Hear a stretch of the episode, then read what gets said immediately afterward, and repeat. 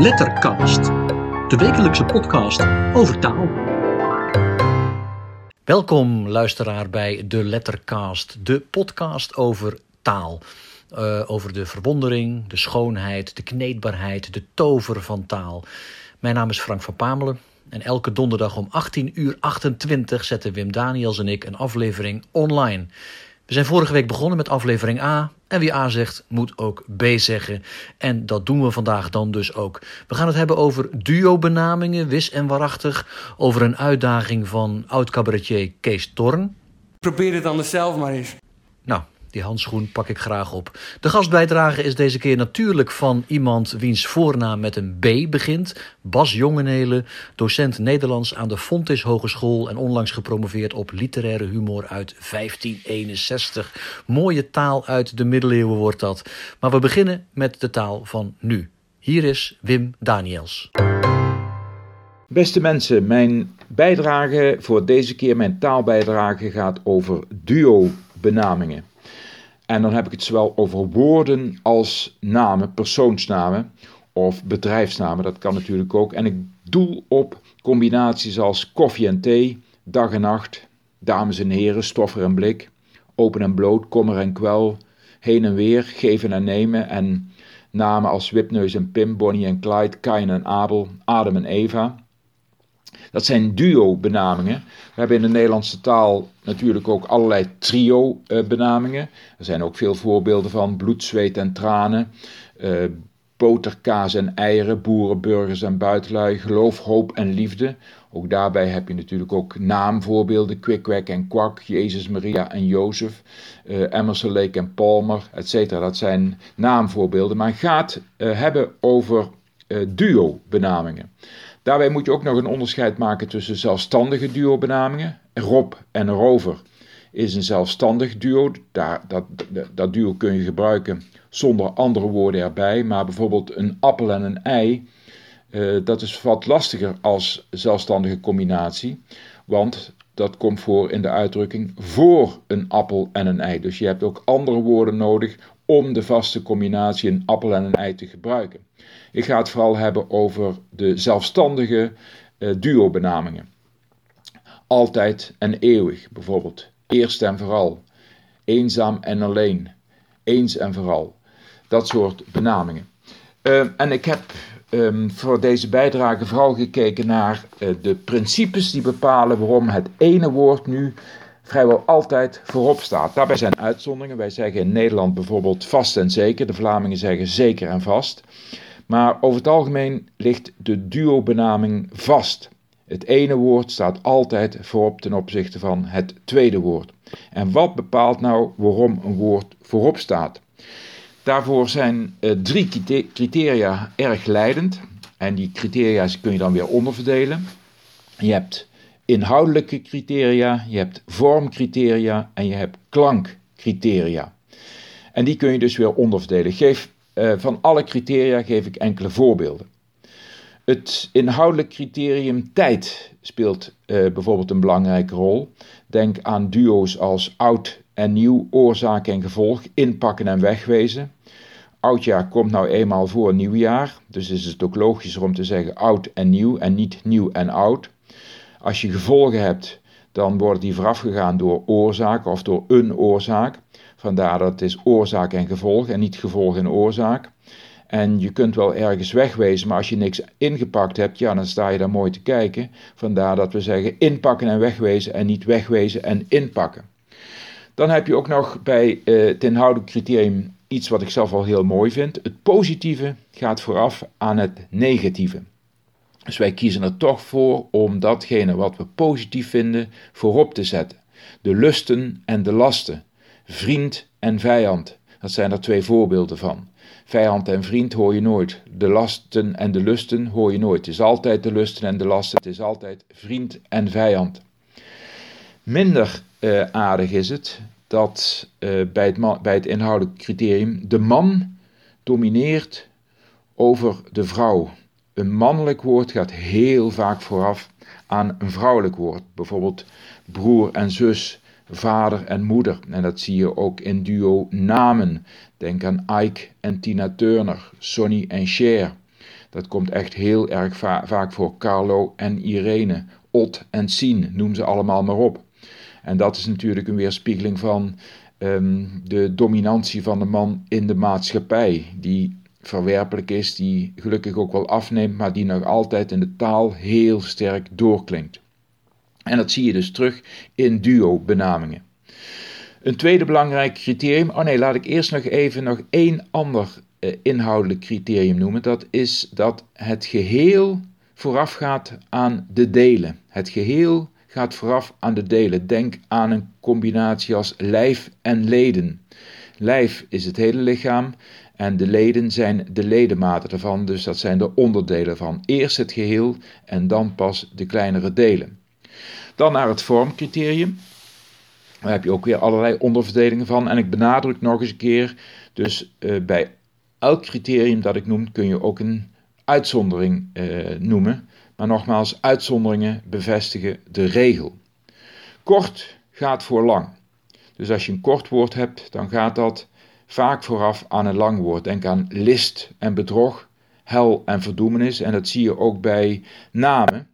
Als je een achternaam hebt met een voorvoegsel ervoor, dan komt die naam in een duo-combinatie vrijwel altijd op de tweede plaats. Denk aan combinaties als Barend en Van Dorp en Curry en Van Enkel. Uh, daar, ook, daar, ook daar zijn weer uitzonderingen, maar het is nadrukkelijk een trend. Eerst de naam zonder voorvoegsels en dan pas de naam met voorvoegsels of met één voorvoegsel. Het alfabetische principe speelt ook een rol. Um, een woord dat eerder komt in het alfabet gaat vooraf aan het woord dat later komt. Denk aan appels en peren. Uh, Bram en Freek is er ook een voorbeeld van. Ik heb het Freek de Jonge zelf ooit gevraagd waarom het Bram en Freek was. Bram was Bram Vermeulen, helaas vroeg overleden. Fantastische muzikant ook, die lange tijd een duo vormde met Freek de Jonge onder de naam Nederlands Hoop. Eerst nog Nederlands Hoop. Maar ze hebben ook vaak opgetreden, of ze stonden ook bekend onder de combinatie Bram en Freek. Um, en ik heb wel eens aan Freek gevraagd waarom ze daarvoor hebben gekozen, niet Freek en Bram. En dat is toch nadrukkelijk gebeurd op basis van het alfabet, heeft Freek me ooit verteld. De B van Bram kwam eerder dan de F van Freek. Dan heb je het criterium, uh, dat is ook nog een vormcriterium, dat het enkelvoud voor het meervoud gaat. Eerst komt het woord dat in het enkelvoud staat. Denk aan maan en sterren.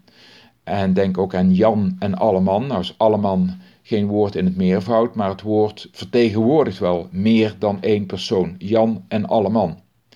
Dan naar het laatste criterium dat ik hier ga noemen, het hoofdcriterium, dat is het klankcriterium. Uh, bij het klankcriterium moet je uh, denken aan wat laat zich het makkelijkst uitspreken als het gaat om een duo-benaming. En dan zie je dat in een duo-benaming een woord dat met een klinker begint, vaak voorafgaat aan een woord dat met een medeklinker begint. Zeker als het gaat om een woord dat met twee medeklinkers uh, begint. Voorbeelden zijn open en bloot en app en vloed. Je kunt natuurlijk bij app en vloed ook een ander criterium naar voren halen waarom vloed, waarom vloed niet op de eerste plaats staat. Maar ik denk dat hier het uitspraakcriterium, het klankcriterium, ook een belangrijke rol heeft gespeeld. Dan is een tweede uh, klankcriterium dat de hoge um, klinker voorafgaat aan de lage klinker. Het gaat hier niet om woorden die met een klinker beginnen, maar die wel een klinker in zich hebben. Meestal één klinker in, het, in de eerste lettergreep. En als die klinker hoog is, dan gaat hij vooraf aan de lagere klinker. Een e of een i is een hogere klinker dan een a. Dat wil zeggen dat je die uh, dus met een hogere toon uitspreekt. En die heeft voorrang voor of boven de lagere klinker. Denk aan ditjes en datjes en mitsen en maren. Nou ja, zo zijn er nog wel meer criteria te noemen, maar dit zijn enkele van de, van de criteria die er zijn. En er zijn heel veel duo-benamingen in het Nederlands. Zelfstandige en niet zelfstandige duo-benamingen. En um, het is toch wel mooi om daar eens uh, bij stil te staan waarom hun volgorde is zoals die meestal is. Dat was mijn bijdrage voor deze keer en ik zeg voor nu ja en amen, over en uit, um, over en sluiten. Tot de volgende keer. Lettercast, de wekelijkse podcast over taal. Wim Daniels was dat, klip en klaar zoals gewoonlijk. We gaan terug in de tijd en dat doen we met de gast van de week. We begonnen vorige week met de A. Deze week zijn we bij de B. De B van Bas, docent Nederlands aan de lerarenopleiding van de Fontis Hogeschool in Tilburg. En hij heeft een bijzondere belangstelling voor de middeleeuwen. Hier is Bas Jongenelen. Soms komt de vraag voorbij naar waar het mooiste Nederlands gesproken wordt. Maar veel minder wordt de vraag gesteld naar wanneer het mooiste Nederlands gesproken werd. Voor mij was dat in de 16e eeuw. Het 16e eeuws Nederlands is een scharniertaal, een kantelpunttaal. Dat Nederlands staat met één been in het Nederlands van de middeleeuwen, het Middel-Nederlands, en met het andere been in het moderne Nederlands. We zien een soort middeleeuwse naïviteit in het 16e eeuwse Nederlands, maar tegelijkertijd spreekt er door de teksten heen een soort noodzaak tot standaardisering. En dat is weer een moderne taalopvatting. De 16e eeuw was de eeuw van de rederijkers. Rederijkers waren schrijvers, vaak amateurschrijvers, die zich verenigden in rederijkerskamers om samen literatuur te maken en ook om samen te feesten en te drinken. Rederijkers gebruikten graag literaire vaste vormen, zoals het rondeel en het referijn. Een mooi voorbeeld van 16e eeuws taalgebruik is het volgende referijn uit ongeveer 1510. Het is overgeleverd in een manuscript van de Utrechtse priester Jan van Stijenvoort en in de dichtbundel die door de Antwerpse drukker Jan van Doesborg op de markt is gebracht. Het is een van de krankzinnigste en smerigste gedichten uit de Nederlandse literatuurgeschiedenis. Het gaat over een man die na twee maanden thuiskomt, waarschijnlijk van een zakenreis of zo, en die zijn vrouw aantreft op de wc. Hij kan echter niet wachten en hij bespringt haar. Zo zit ze dus helemaal onder de stront. Daarna gaan ze naar bed en scheidt hij in haar schoot. Als hij zich omkeert, kotst ze over zijn hoofd. Ze gaan dus maar in bad. De vrouw tilt haar achterste op om een scheet te laten, maar er komt meer mee. De brokken drijven dan tussen haar borsten. En de moraal van het verhaal in de prinsenstrofe. Als je verliefd bent op een meisje, maar als zij niet verliefd is op jou, draai dan s'nachts voor haar raam een grote drol van stront. En als ze ochtends dit teken van liefde ziet, dan zal ze ook verliefd worden op jou. Iedere strofe sluit af met de regel: proef zelf wat zulke liefde kan maken. Oftewel, probeer deze vorm van liefde zelf ook eens. Komt-ie. Een amoureus, in minne zeer vierig, die liefde in het herte vast haar beloken, kwam tot zijn der liefste als mutsaard gierig, daar zij zat op het scheidhuis gedoken. Hierin had haar in twee maanden niet gesproken, dus stortte hij haar toe als een minnaar heet. Wacht, zei ze, vriend, ge mocht mij kroken, houd wat staande, ik heb een ei bereid. Ten half niet wat ze riep of kreet. Hij duwde haar, dat men het hoorde kraken, van groter liefde zij van achteren spleet, zodat ze haar altemaal bescheet. Proeft zelf wat zulke liefde kan maken. Toen hem de moed was wat gezonken, gingen zij slapen, zo de liefde gebood. En de amoureus had s'avonds vers bier gedronken, dus scheet hij zijn liefste in haar schoot. De stank kwam uit de bedden zo groot, dat ze immers te walgen onvertogen. En toen keerde hem om en hield haar het hoofd, door trouw die niet aan hadden gelogen. Tussen haar borstkens lag hier gebogen. Amoureuselijk de hem vrouw Venus ontwaken. En lief en was van liefde daar niet bedrogen. Zie was bescheten en hier was bespogen. Proeft zelf wat zulke liefde kan maken. Ze gingen samen in een bad. Daar zie elkanderen wiesen en verheven. Maar in het lest ontsloot die bruid haar gatten, zo dat die brokken tussen haar borsten dreven. Zulke giften kon zij haar liefke geven, omdat die hem zo vriendelijk te huurwaarts schikte. Zij had haar achterste wat opgeheven en de bescheed haar toen ze te feesten mikte. Het was wonder dat hij niet en verschrikte toen hij haar wou kussen aan haar kaken. Zeer minnelijk zij haar hem te werd nikte. Hij douwde haar dat hij ook ontstrikte. Proef zelf wat zulke liefde kan maken. Prins.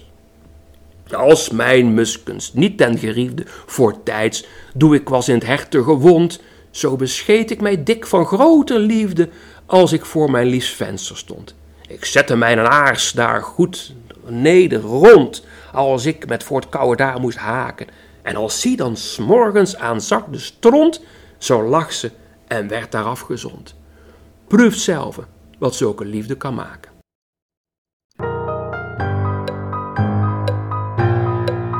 Lettercast, de wekelijkse podcast over taal. Een ode aan alle docenten. Het heet de klas. Ze zeggen dat je goed moet differentiëren, zodat elk kind op zijn niveau kan leren. Met die gedachte kijk je treurig door het vensterglas.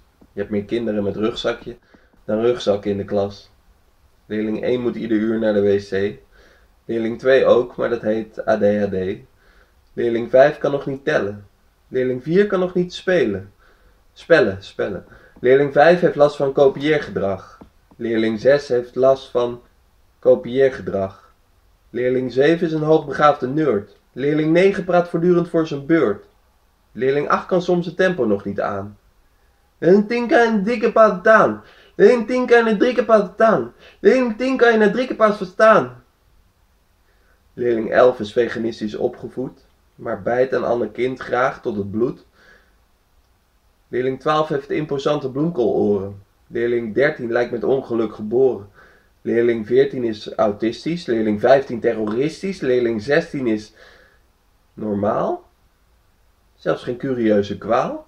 Niet te mager, niet te zwaar. Ouders zijn nog bij elkaar. Heeft zijn huiswerk altijd af. Nooit gedoe en nooit de straf. Dus je maakt je steeds meer zorgen om dat kind. Of hij in de klas de aansluiting wel vindt. Het is fijn dat leerling 17, de schelen, soms ik zie wat jij niet ziet met hem wil spelen. Leerling 18 heb je nog niet eens gezien. Je vraagt je zelfs af of hij wel bestaat. Zeker omdat leerling 19 soms met een denkbeeldig vriendje praat. Leerling 20 knuffelt graag, maar ruikt niet fris. En Priscilla vindt dat zij geen nummer is. En terecht. Je zucht, je wil best onderzoeken hoe je desnoods zonder boeken toch wat leren kunt aan dat gespuis. Maar je maakt je altijd zorgen om een leerling of om morgen. Dus je neemt je werk weer mee naar huis. En je hoort ze telkens zeggen: laat het los, want op deze wijze ben je zelf de klos. En dan hebben ze in theorie gelijk, maar het werkt gewoon niet zo in de praktijk. Je bent docent. Theodanis was dat, met een ode aan de docent. Light verse van de bovenste plank. Eh, Binnenkort verschijnt er een nieuwe bundel, Coronaregels. En die bundel heeft hij samen met Judith Nieken geschreven. Een boek vol virusversen. Te bestellen via coronaregels.gmail.com. En dan, af en toe hoor je iemand zoiets bijzonders doen met taal dat je denkt: wauw, ik wou dat, ik het zelf bedacht had. Dat heb ik heel regelmatig gehad met de voormalige cabaretier Kees Torn. Hij treedt al een tijdje niet meer op in het theater, maar eh, regelmatig duiken er fragmenten en filmpjes van hem op. En een van de meest inventieve taalspelletjes die hij uh, heeft bedacht is een vermenging van Engels en Nederlands. Hij zegt een zin en het publiek moet vervolgens het laatste woord vertalen in het Engels om de zin in het Nederlands af te maken. Of zoals Kees zegt. Het laatste woord is steeds semantisch het Engelse equivalent van het voorlaatste woord, maar fonetisch de continuering van de syntax. Dat is de grap. Ja, het klinkt eenvoudig, maar het uh, valt tegen. Goed, ik zal een voorbeeld geven. Of liever, uh, dat doet Kees zelf, samen met Mike Baudet en Onno Innemee. Onno werkt in een hotel en stelt de vragen. Kees geeft antwoord en Mike vertaalt als tolk het laatste woord in het Engels. En dan krijg je zoiets als dit. Het is nogal gehoorig en in de kamer naast de mijne ligt een of ander wijf dat echt de hele nacht... Night. Night. en, en als ze snurkt, dan, dan klinkt het net of iemand een gat in een plank Boord. boort. En dat klinkt in die hal. Hol. Hol. Het is, het soms net of ik in een diepe put. Pit. Pit. Echt. Volgens mij is er ook de kat die door de gang kruipt. Crawls. Krolls. Dus eh, we moeten er niet raar van opkijken als ik straks ineens voorwerpen naar katten. Cat. Cat. Ja, dat doe ik wel, want we hebben helemaal geen kat in dit hotel, meneer. Wat zou dat dan voor geluid kunnen zijn? Misschien speelt een of andere landloper. Hobo. Hobo. of of uh, misschien zingen de bloedzuigers.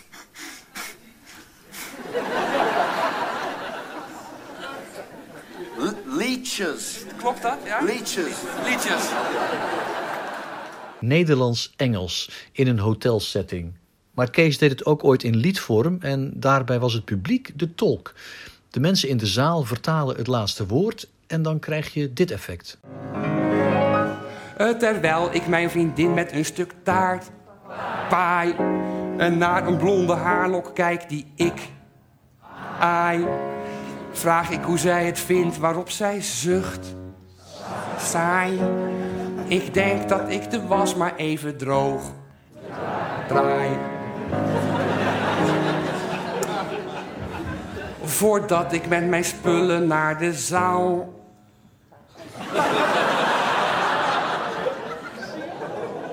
Hol. Ik wou net weer gaan pauzeren. Die zit vanavond, ook al is het herfst, vol. Vindt zij het goed als ik wat met haar pop? Dol. En zomaar heel een winkelcentrum mol. Het lied gaat nog veel verder hoor, zoek het maar op. Het, het staat een paar keer op YouTube. Kees Torn. En hij daagt ons ook uit. Eerst zegt hij. Ik ben, ik ben trouwens ook bezig met een versie in het Duits. Hè? Wat, ehm, wat zou jij er vinden als ik zoals jij doe? Hè? Of, ehm, en, een, en een Franse ook. Ehm, ik vond gisteren de avond zwaar. wat, wat staat er glas ver? Duits dus en Frans. Is dat ook mogelijk, vraagt hij zich af. En dan zegt hij. Probeer het dan zelf maar eens. Oké, nou die uitdaging neem ik graag aan. Eh, in mijn nieuwe Lightverse bundel, net verschenen, Bravo geroep en enthousiast gefluit heet hij. Daarin staat een korte Nederlands-Duitse versie. ehm, over een, een virtueel nieuw lied van André Hazes junior. En dat gedicht gaat als volgt. Het laatste woord wordt dus vertaald in het Duits. Hè? Zeg Dre, dat nieuwe lied van jou is vrij fraai. Maar nu ik het dus hier een keer of drie draai, dan doet vooral de titel best wel erg zeer. De Middellandse Zee, dat is toch geen zee meer. De Noordzee vind ik duidelijk veel meer zee. Dus ik denk niet dat ik dat lied nog draai. Dree. Het is dus te doen en ook Nederlands-Frans heb ik wel eens geprobeerd. Dat lijkt moeilijker, maar dat is het niet per se. Eh, er zijn namelijk heel veel Nederlandse woorden die, eh, als je ze in het Frans vertaalt, toch Nederlands klinken. Eh, wat valt de avond zwaar, zei Kees al, of wat staat het glas ver. En zo heb je er heel veel. In de theaterwereld bijvoorbeeld, eh, daar heb je het oliewiel. Zo'n rond ding is dat, met olieachtig spul. En als je daar licht doorheen schijnt, verschijnt er een soort vloeistofprojectie op de muur. Een oliewiel. Oliewiel. Nederlands, Frans. De plaats Waterloo, dat kan ook. Waterloo. Of hele zinnen natuurlijk. Ik heb geen mooie neus, nee. Bovendien is het ooglui. Ooglui. Er wordt aangebeld, maar ik kan niet open doen, want ik ben naakt nu. Dat durf ik pas na een onze vacht wiet. Natuurlijk weet ik dat ik als ik dood ga meur. Snap je? Goed, nou zo kun je nog wel even doorgaan, maar misschien kan ik het beter samen met publiek doen. Dit is omdat Kees Torn me uitgedaagd had als de reactie op zijn Nederlands-Engels, mijn Nederlands-Frans. Stel je voor een dialoog eh, tussen twee eh, vrouwen op een feestje. De een heeft net een, een, een loterij gewonnen en is aan het klagen over haar man. Ja? Oké. Jullie maken het af, hè? Hardop. Oké, we wonnen in de loterij laatst duizend mil, waarna mijn oog op iets buiten de stad viel. Ik zag het hele leven door een oliewiel. Goed. Maar zelfs de grootste villa vond hij hiel. Dat is goed, dat is makkelijk toch? Ik zeg, kies jij maar iets dan, ik juich alles toe. Maar ik wil geen buurt die klaagt als ik niet zacht doe. Ja. Bijvoorbeeld eh, als ik eh, zondags naar een toren toer of als een duif op binnenplaatsjes. Dat gaat goed, jongens. Ik wilde dat als ik dronken op een plein plas of rare ritmestrommel op een ijsglas of, of lallend in een bootje naar een vuurtoren vaar, dat men niet denkt, wat is die zeldzaam? Raar. Niet dat ik zomaar huilen in een zaal zal. Ik vind het huilen om een beetje pijn. Mal. Hij, hij jankt al met hockey op zijn bal. Bal. Ja. Ik huil pas als ik van mijn paard. Nee. Als ik van mijn paardje val. Je moet wel een beetje op blijven letten, jongens. Kom op. Jongen. Het zwarte gat waarin ik als ik huil pleur, verdwijnt als ik een woning naar mijn hart keur. Dan voel ik dat ik zoveel moet uit angst. Peur. Dat ik niet meer als een oude zuster zeur. Maar goed, ik moet nu gaan. Ik vond het feest. Vet. We hadden ook al is het nu dan klaar. Pret. Maar omdat hij zijn wekker straks op zeven zet, duik ik met hem maar in ons domme bed. Ik heb die tekst. eh, Ik heb. Nee, ja, ja. Ik heb die tekst voorgelezen aan Kees telefonisch. En ik, eh, ik, vroeg, ik, zei: Kees, die van jou, Nederlands-Engels, vond ik geweldig. Maar eh, ik vroeg: wat, hoe vond je die van mij? Moi, zei hij.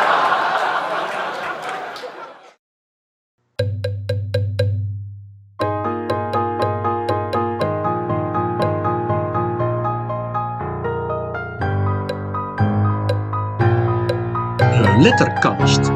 De wekelijkse podcast over taal. Probeer het anders zelf maar eens.